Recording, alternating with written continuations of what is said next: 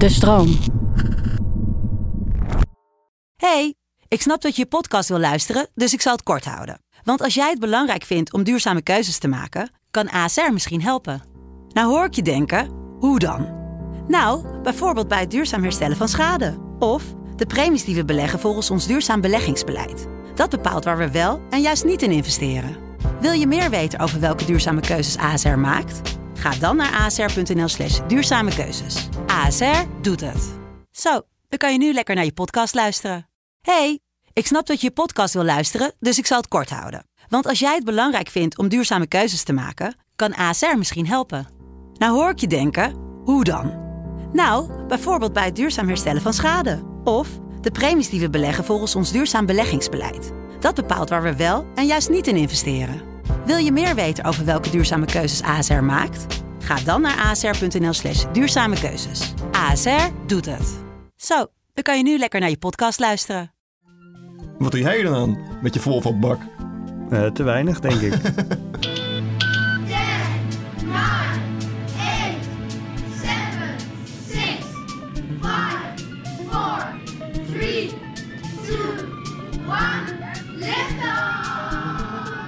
Welkom bij Bert Ziet Sterren, de populair wetenschappelijke podcast waarin ik iedere aflevering samen met mijn goede vriend en promovendus theoretische natuurkunde, Bert, een duik neem in de wonderenwereld der natuurkunde. Hallo, lieve luisteraars. Hier ben ik weer. Eh, ik ben Bert en dit is Bert Ziet Sterren. Vind je het normaal om zo over enthousiast binnen te komen? Ik heb er gewoon heel veel zin in vandaag. Het, eh, ik bedoel, dus, dat mag toch? Dat mag, maar... eh, Gezellig, Tim. ik Hè, denk- we zijn hier weer met elkaar. Lekker een podcastje maken. nee, maar ik, wil, ik denk dat ik de sfeer ga verpesten. Ik wil het iets, eh, over iets gaan hebben wat aan, mij aan het hart gaat. En geen... eh, Volvo's. Nee, je zoontje Kees. nee. Boten. Gaan boten jou aan het hart? Ja, maar nee. Oké. Nee, eh, de, eh, een beetje mineur, maar de klimaatcrisis waar we toch wel steeds meer last van te hebben, die volgens mij op papier prima wordt opgelost, maar waar in de praktijk toch een beetje achter blijkt te lopen. Ja, oké. Nou, dat is reden, reden voor eh, tempering van enthousiasme inderdaad. Ja, want we weten allemaal, de aarde warmt op. Ja. Nou, we weten allemaal, de meeste mensen kan wel een paar gaan mee mensen noemen in de, die... ja. in, in de wetenschap die zegt de aarde warmt op. En eh, dat is niet goed voor de aarde en ook niet voor de mens en eigenlijk ook niet voor al het andere leven op de aarde. Nee, nee. Dat, ja, daar heb ik weinig aan toe te voegen. Le- leuk. Eh, en dat komt, dat weet ik dan ook nog, door het broeikaseffect. Ja, klopt. En ik dacht, misschien kan jij eh, mij en met mij de luisteraars eens even uitleggen, Ja. ons dus eigenlijk, hoe het natuurkundig werkt, het broeikaseffect. Is goed. Ehm, heb je wel eens, eh, heb je wel eens in, in, in een broeikas gestaan?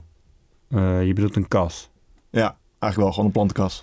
Ik ben wel eens in een kas geweest. Wat- In Artes, de vlindertuin. Precies. Wat, Of in eh, de Hortus in Leiden of de Hortus in Amsterdam. Of in het Westland heb ik zelfs wel eens in een kas gestaan. ja, je bent echt een kassenexpert. Ik ben goed ingevoerd in de, in de Nederlandse kassen. En wat valt je dan op als je daarin staat?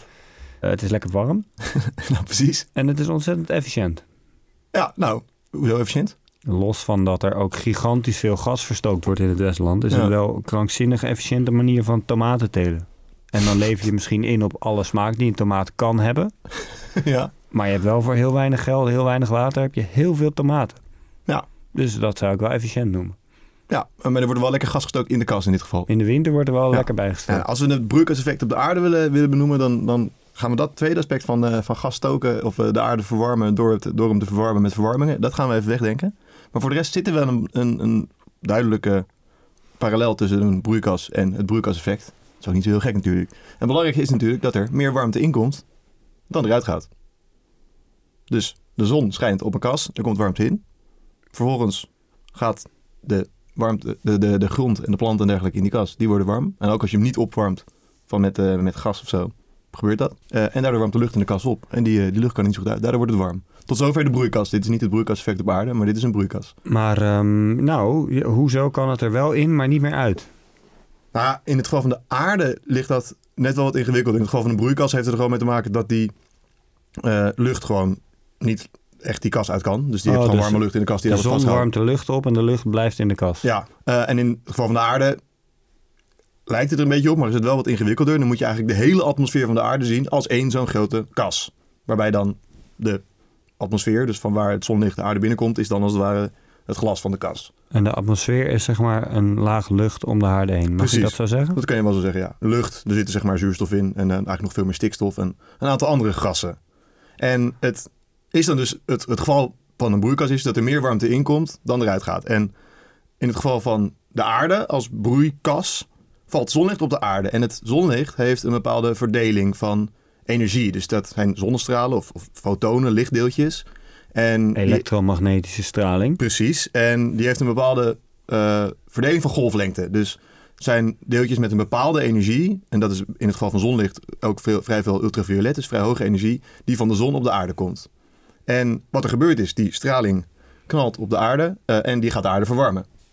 Nou, Mhm. ja. En als iets warm wordt, gaat het ook weer straling uitzenden. Daarom is het ook als je in een ruimte staat vol met eh, in een concertzaal, dan wordt het warm. Dat die lichamen zijn warm, dus die gaan ook weer warmte uitzenden. Dat geldt net zo voor de aarde. Dus zonlicht knalt vanuit eh, door de atmosfeer op de aarde en de aarde wordt warm.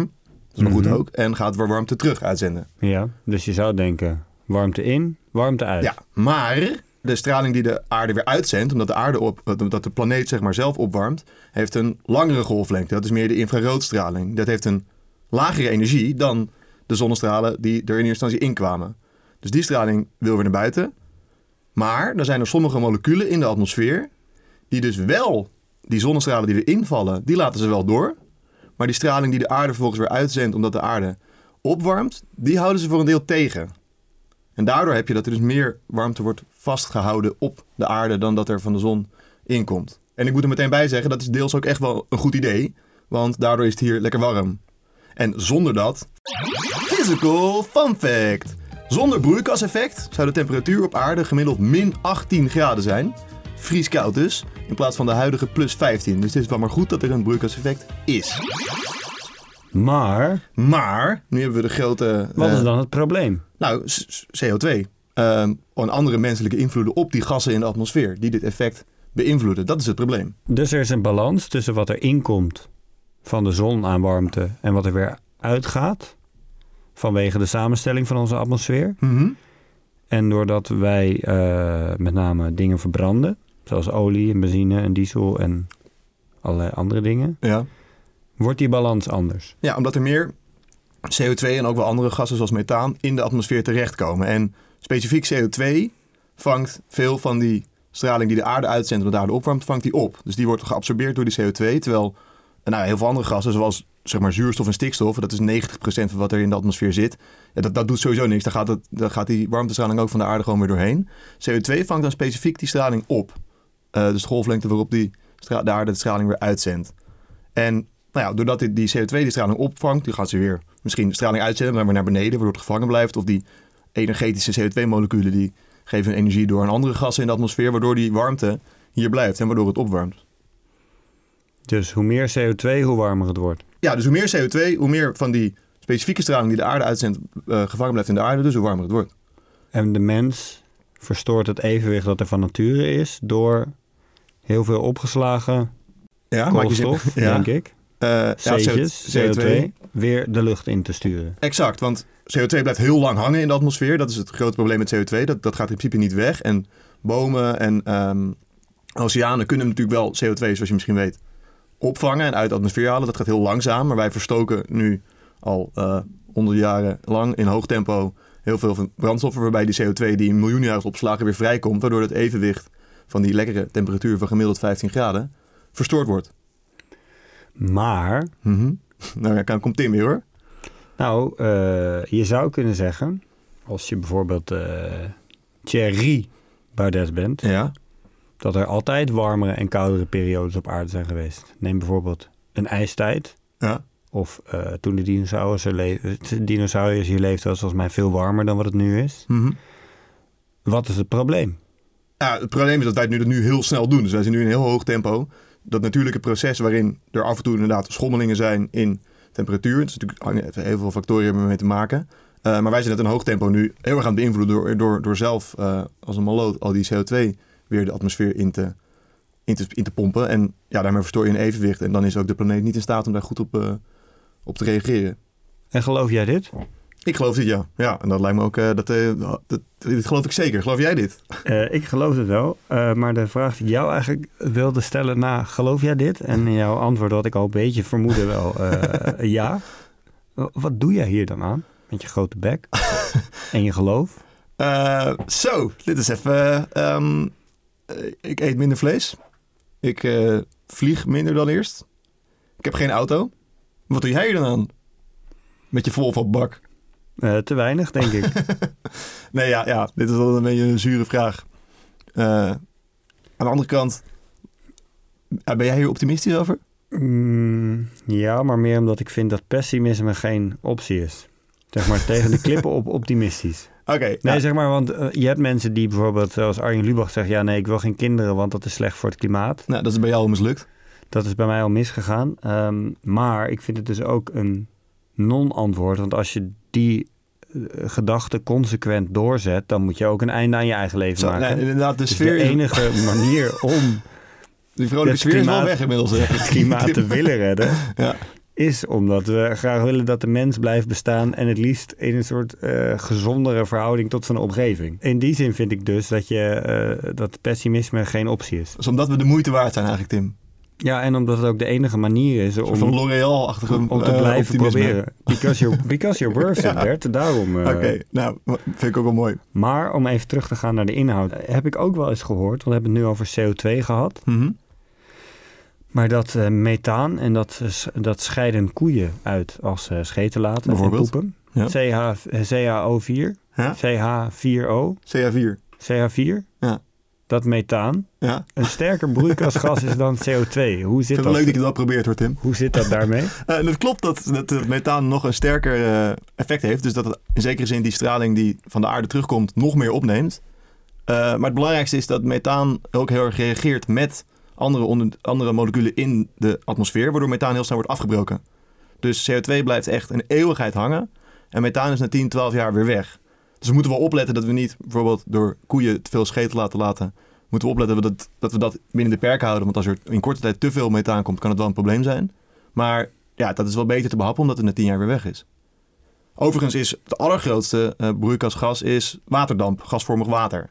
Dat is het allersterkste broeikasgas. Maar daar hebben we dan weer niet echt controle over. En ook dat verdwijnt natuurlijk op een gegeven moment weer uit de atmosfeer. Maar dat is nog veel sterker. De CO2 is zeker niet de enige, maar omdat CO2 lang blijft hangen en ook nog eens licht opneemt op een bepaalde golflengte die die anderen allemaal wel doorlaten, is CO2 degene die het, het grootste effect heeft, het meeste bijdraagt. Op lange termijn. Op lange termijn, ja.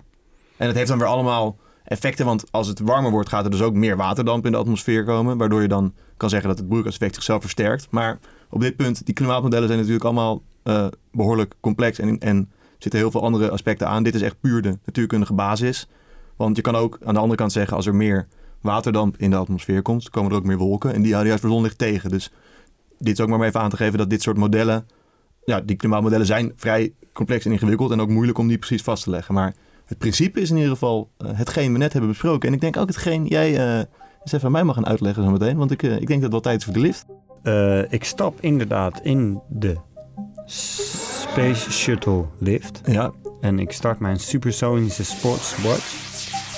Dan hebben we het over het broeikaseffect. En het broeikaseffect is het effect, als we het hebben over het broeikaseffect op aarde, waarbij warmte die van de zon komt tegengehouden wordt door eh, stoffen in de atmosfeer van de aarde. En dat heeft ermee te maken dat de warmte die van de zon komt eh, binnen het spectrum van licht vooral aan de ultraviolette kant van het spectrum zit. En dat laten de stoffen in de atmosfeer van de aarde wel binnen. Maar als het vervolgens de aarde opwarmt en de aarde zelf weer warmte gaat uitzenden, dan zit dat aan het infrarode kant van het spectrum van licht. En dat laten dezelfde stoffen niet meer door, dus dan blijft het op aarde hangen. Deels is dat goed, want anders zou het hier heel koud zijn. En nu is het eh, lekker warm. Maar te veel warmte die wordt tegengehouden is niet goed. En daarbij is onze CO2-uitstoot problematisch. Want CO2 is een stof die heel lang blijft hangen in de atmosfeer en heel veel warmte tegenhoudt, omdat ze die infraroodstraling niet meer doorlaten eh, de ruimte in, zodat het op aarde blijft hangen en steeds warmer wordt, met alle rampzalige gevolgen van dien. Ja, eh, dat, eh, dat is maar net waar. Ehm, maar begrijp ik nou dat alle stoffen volgens jou in de atmosfeer eh, broeikasgassen zijn? Nee, anders zouden we het niet hebben over broeikasgassen, Bert. Dus ik zal je even iets meer uitleggen over broeikasgassen specifiek. De atmosfeer om de aarde heen, de luchtlaag om de aarde heen, bestaat voor een groot deel uit stikstof, voor een klein deel uit zuurstof. Wat heel raar is, want stikstof laat ons stikken en zuurstof Eh laten we ademen. laat ons ademen.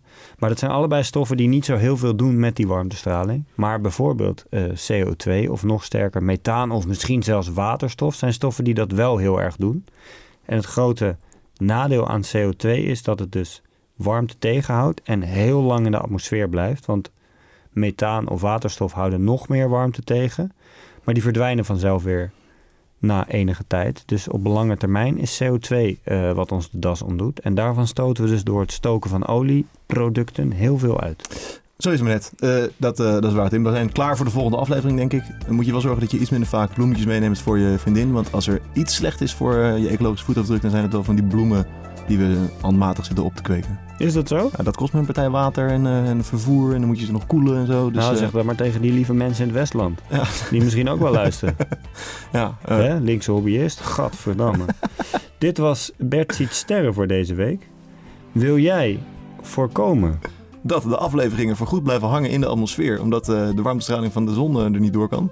Dus klik dan op volgen in je favoriete podcast-app. Dan komen de nieuwe afleveringen vanzelf door je brievenbus. Nou, als je dat toch doet, geef ons dan ook een recensie. Want eh Bert die sterren, die eh, kan je gewoon sterren geven. En heb je vragen of wil je zelf een onderwerp aandragen? Mail dan naar bertzietsterren.de-stroom.nl Voor nu zou ik zeggen heel hartelijk dank voor het luisteren. En tot de volgende ster. Hatsa.